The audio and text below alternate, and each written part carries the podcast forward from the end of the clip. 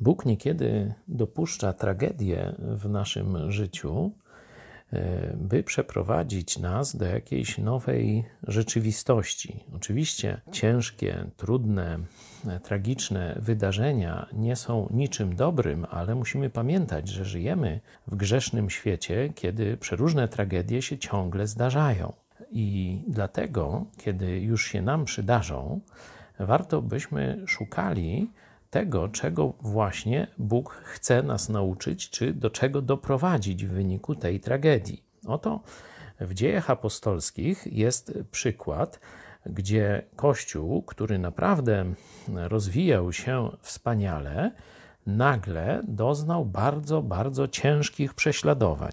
Okazało się, że w wyniku tych prześladowań Ewangelia dotarła poza kulturę żydowską, że dopiero wtedy chrześcijanie na masową skalę zaczęli ewangelizować pogan, ponieważ w wyniku prześladowań musieli się rozjechać, rozpierzchli się na różne okoliczne e, krainy i do innych ludów zawitali, no i zaczęli im głosić Ewangelię. Dzisiaj mamy tragedię wojny.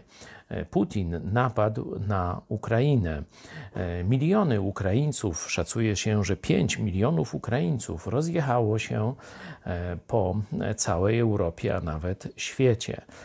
I rozmawiając z nimi, wielu z nich, szczególnie chrześcijan, ma świadomość, że nie są tylko uchodźcami, że są misjonarzami, bo Ukraina zrobiła niezwykłą pracę, jeśli chodzi o ewangelizację e, swojego narodu. I dzisiaj e, dziesiątki tysięcy, może więcej Ukraińców e, służy w całej Europie jako misjonarze. Oby i w Polsce ten pobyt kilku milionów Ukraińców zaowocował totalną zmianą, przeoraniem naszego życia duchowego. Tak, jak widzieliśmy to w dziejach apostolskich.